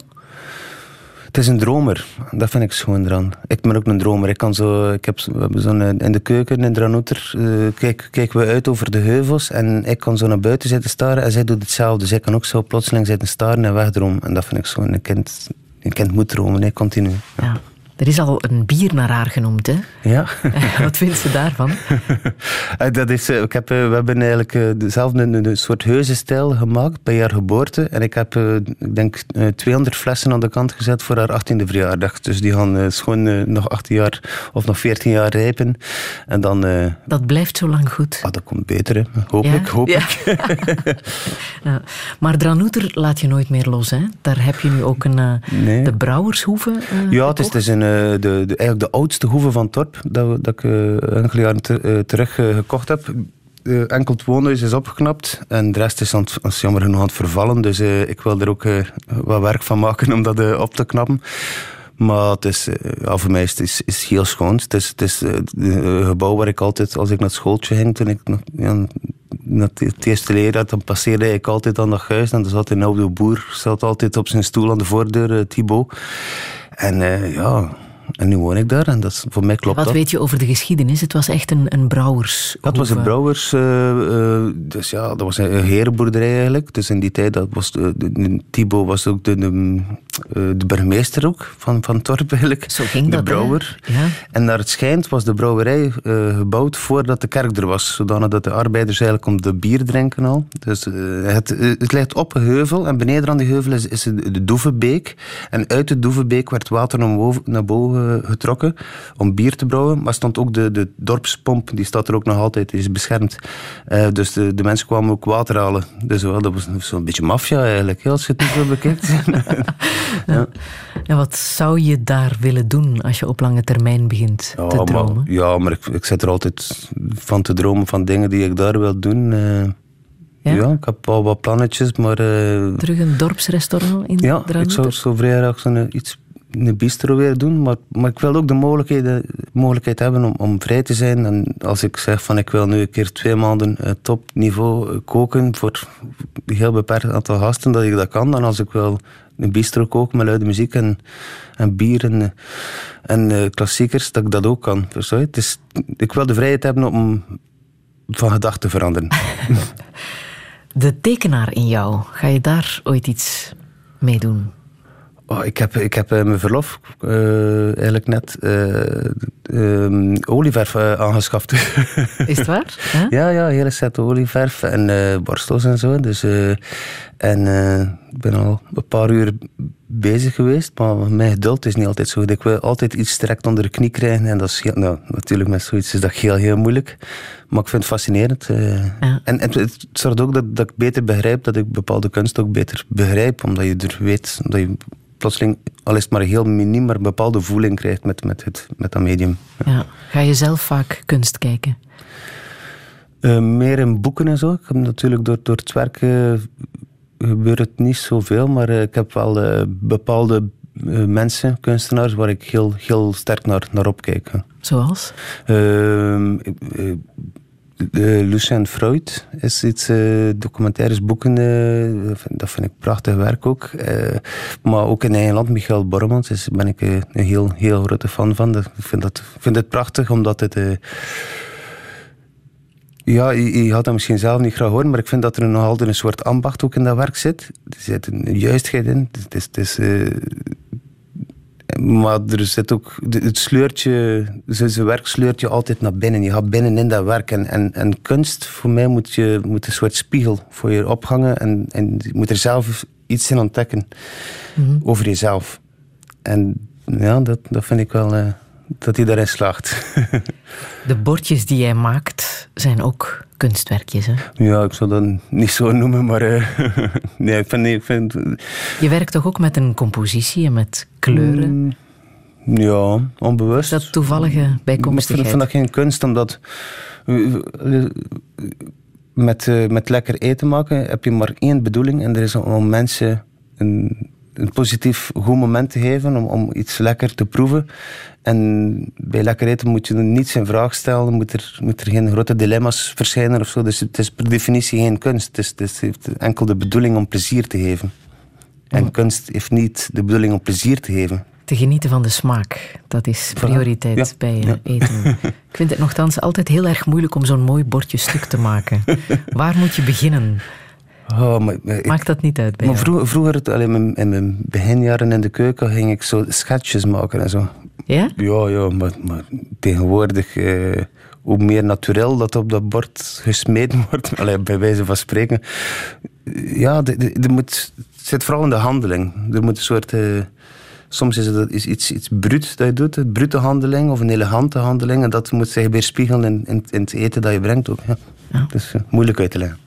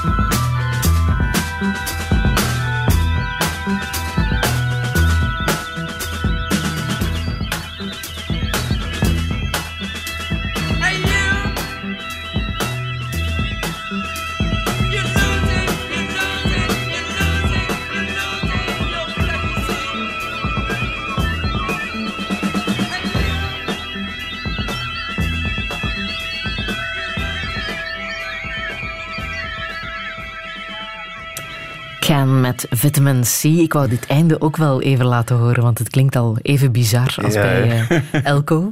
Daar heb je wel wat mee, hè, met dit soort eh, muziek. Ja, ja wel, ik denk zeker. eh, Ken heb ik zo nog maar recent eh, beginnen ontdekken, dus de band Ken. Ehm, en dat, is- dat hoort allemaal zo'n beetje thuis in, in die Berlijn scene, de krautrock. En krautrock was toch zo een beetje een, de, de- ja, een heel experimentele beweging binnen in de, binnen in de muziek. En dat vind ik... eh, Wat moeten we daarover weten, over de krautrock? Krautrock was eh, ja, de Berlijnse soort beetje. Ja, ik ben ook geen eh, muzikoloog, hoe noem dat? Maar eh, dat was zo'n een, een beetje een anti-beweging. Dat wilde zo een beetje uit, uit eh, buiten de lijntjes gaan kleuren. En, en dus deden dan plotseling iets heel experimenteels. Maar bijvoorbeeld ook nummers van, eh, van eh 20 minuten lang gaan spelen. In plaats van altijd de, nummers van 2 à 3 minuten lang. Dus we leggen nu ook platen op in, in het restaurant die soms volledig drover gaan. Die soms zodanig psychedelisch en experimenteel zijn dat iedereen zo naar elkaar plotseling zit te kijken. En dan kijken we zelfs in de keuken naar elkaar. Moeten we dat nu afzetten? Oh nee, nee, we gaan blijven gaan. We gaan blijven gaan. Maar ik vind het ook schoon. Het is, het is, eh, ja, het is zot, hè. Ja. Is het bij klanten ook een gespreksonderwerp, de muziek die jij draait? Maar v- Gisteren ook zo, eh, zat er iemand... ehm, het gaat redelijk luid. En ehm, we hadden eh, het album opgezet van eh, Get Your Yeahs On van Rolling Stones, een live album. Heel luid, maar de... en, ehm, en er zat zo een, een koppel aan, aan de hoek van de toon. En ik zei... Allee, ja, met al respect voor die mensen, maar die, die zag er niet uit als... eh, ik zei, ja, zou dat, zou dat die mensen nu vervelen of zou die dat lastig van? We zitten net bij die speaker, dat gaat volle bak. En, ehm, en ze vertrokken en, en, en zei die man, allee jongens, zo content dat we nog een keer Get Your Yeahs uh, en zei, dat was lang alleen, nee, dat was lang alleen. hoor. en hoe luid. Eh, dus, en dat, dat vind ik toch altijd een vreselijk moment, als, als mensen echt meegaan in die... Ja, in de drive van de muziek. Ja. Ja. Kobe Desramo, hoe zie jij jezelf oud worden? Eh, hoe zie ik mezelf oud worden? Eh, ja. Oh. Je wordt er dit jaar 38, hè? Ja, ja, eigenlijk wel, ja. Nog piepjong. maar eh, eh, sowieso is de, staat vast dat, dat het restaurant eh, nu eh, wordt gesloten eind 2020. Dus dat staat vast. Dus Het dan ben gebouw ik, eh, wordt ontmanteld. Je eh, kan ja. niet anders. Ja, voilà. Dan ben ik er 40 en dan is dan, als je 40 bent, dan mocht je weer zo'n nieuwe etappe inwijden. Zeer. Wat dat, dat precies gaat zijn, dat weet ik niet. Maar, maar ik denk graag zo in het, in het 10 plan altijd. Dus van mijn 40 tot mijn 50 mag ik weer iets anders doen, zeer. Ja? Maar daar heb je echt nog geen idee van. Nee, maar ik, ik wil ook niet mezelf beperken tot te zijn van ik ben Koop de Kok en de, de kok tot het einde van mijn dagen. En ik wil ook zien of dat ik andere dingen kan ontplooien binnen in mezelf. En dat is, dat is heel Ja. interessant. Ah. Ik, wil geen, ik wil niets beklagen later als ik oud ben. Als je kijkt naar jouw grote collega-chefs uit het buitenland. René Redzepi is een eh, tijd lang dicht geweest eh, met Hm. Noma om te gaan onderzoeken, om te experimenteren, om te zien wat hij nog allemaal kan. Eh, El Bulli is een Hm. foundation geworden, een soort onderzoekscentrum. ja. Zie je daar dingen die, die jou ook intrigeren? Nee, nee. Nee? Nee, nee, nee. Ik ben echt niet, ik ben niet zo. Ik, ik benader mijn werk meer als, als op een artistieke manier bijna. Voor mij is het, heeft het iets. het is heel gevoelsmatig en ik wil er ook geen. Ik, ik kan ook niet werken met labo's of, of recepten en, en dergelijke. Voor mij is het iets heel gevoelsmatig, dus ik, ik zie ook niet zoiets. En ik wil het zelf onder controle houden. En als je met zo'n dingen begint, dan moet je controle kunnen uit handen geven. Dus eh, nee, dat is niet aan mij besteed. Dat ga je niet doen. Je blijft gewoon koken, op welke manier dan ook. Ja? Ja. Ook al is het voor, je, voor jezelf. ja. Ja. Ehm, eh, welke, welke boodschap zou jij hier nog, eh, nog willen meegeven? Eh, ja. ja, dat je altijd moet verliefd blijven, denk ik. Dat is, dat is hetgeen dat ik toch altijd vind. Je moet eh, iedere dag doen wat je graag doet en je moet er, moet er verliefd op zijn, op hetgeen dat je doet. Ah. Ja, dat is... Dat is Goeie raad begrijp- voor ja, ik, vind, ik vind het jammer dat veel mensen moeten soms een keer durven doen wat ze hoestingen en, en, en, en verliefd worden op, op, op hetgeen dat ze doen. Of, ja. Ah. Is dat eh, abstract? Nee hoor, nee, kan ik volledig inkomen. Ja. Ehm, ik heb nog eh, Jan de Wilde voor je Ja, klaarstaan. ja, het lijkt is- wel een visionair nummer als je goed naar eh, de tekst luistert. Van Varen Ja, van Homer en Dorst. Ehm, ja, maar, Jan de Wilde, de, de CD GG, dat was eh, de allereerste CD die ik ooit heb gekregen. Dat was van mijn, van mijn vader. En ik en mijn broer hebben hem samen gekregen, of we hebben er al zes. Ja, dat is al zes zo uitgekomen. En ehm, ja, als klein mannetjes was dat toen die CD opleggen in, in het café vroeger in de Wulf. En, eh, en die teksten, ja, die, die, die, dat, zijn, dat zijn verhaaltjes, hè, dat zijn vertellementen hè, van, eh, van Jan de Wilde. En, als kind maakte hij daar zo heel beeld van, ook die fanfare van honger en dorst. En je ziet dat effectief zo als kind, een fanfare. We zijn nog niet mee met de diepere betekenissen, maar en dat beeld laat je ook niet los. En dat vind ik heel schoon. Ja, het begint trouwens in Gent.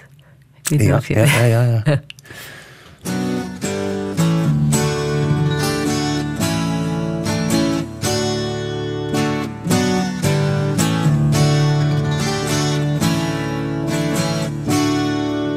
We liepen in Gent rond, we waren met zessen.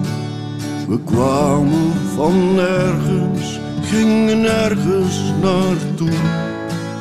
Vanaf de terrassen, in de koffiehuizen, bekeken we de mensen en hun drukke gedoe. We liepen met ons hoofd in de wolken en werden dan wakker met honger en dorst.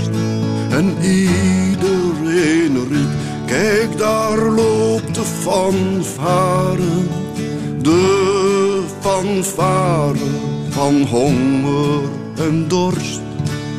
De fanfare van honger en dorst.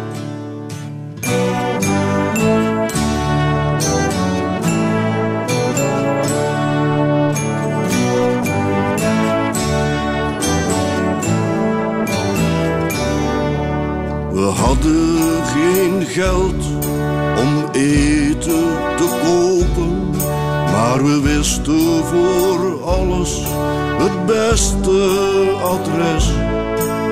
Mosselen bij Leentje en frieten bij Helga.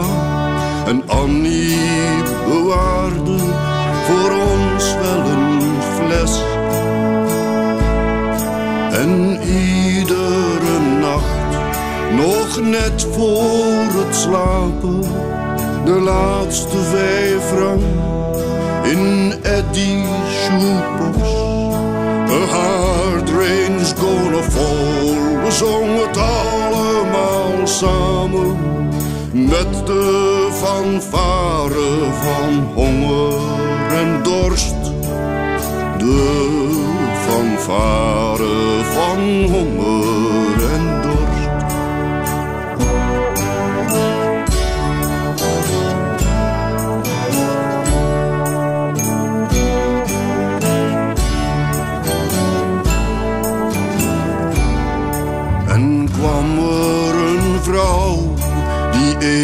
van ons meenam, dan namen we afscheid en zegden vaarwel. De fanfare trok verder met minder leden, de toon in mineur, we begrepen dat wel. Maar er was nooit een vrouw die mooier kon zingen dan onze fanfare van honger en dorst. En het duurde nooit lang of we waren weer samen met de fanfare van honger en dorst. De fanfare van honger